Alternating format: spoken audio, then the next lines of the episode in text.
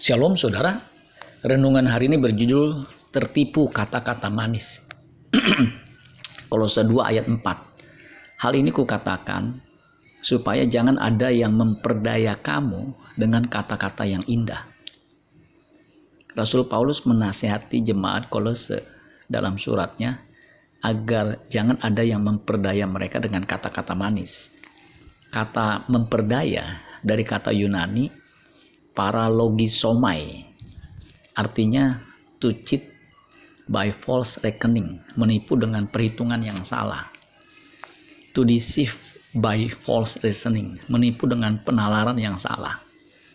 Kata ini dari dua kata para dan logisomai. Para itu artinya itu kata sebuah kata depan preposition artinya from at near, beside. Dan logisomai itu dari kata logos.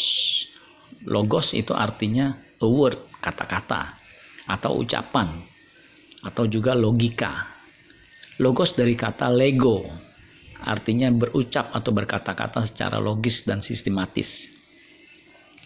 Sedangkan kata-kata manis dari kata Yunani pitanologia, artinya speech adapted to persuade. Ucapan yang disesuaikan untuk membujuk atau meyakinkan. Persu persuasiveness of speech, ucapan yang meyakinkan.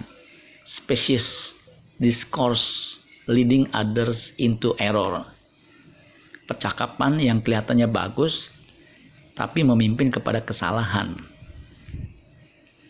Pada zaman itu, zaman Rasul Paulus, sudah ada pengajar palsu yang mengajarkan Injil palsu dengan kata-kata yang manis, indah, dan masuk akal, sehingga jemaat terbuai. Mereka yang baru percaya Kristus bisa saja tertipu, tetapi bagi jemaat yang sudah biasa mendengar Injil yang asli dan terus-menerus tekun belajar, tidak akan mudah tertipu dengan kata-kata indah dari si pengajar palsu. Baru-baru ini ada sekelompok orang yang merasa diperdaya dengan janji manis pejabat waktu ia kampanye.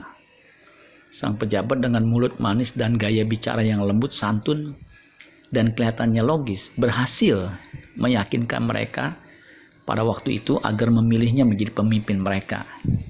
Tetapi saat ini mereka menghadapi kenyataan yang sangat berbeda. Akibatnya mereka menyesal.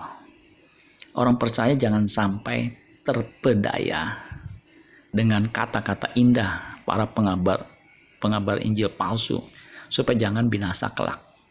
Amin buat firman Tuhan. Tuhan Yesus memberkati. Sola Gracia.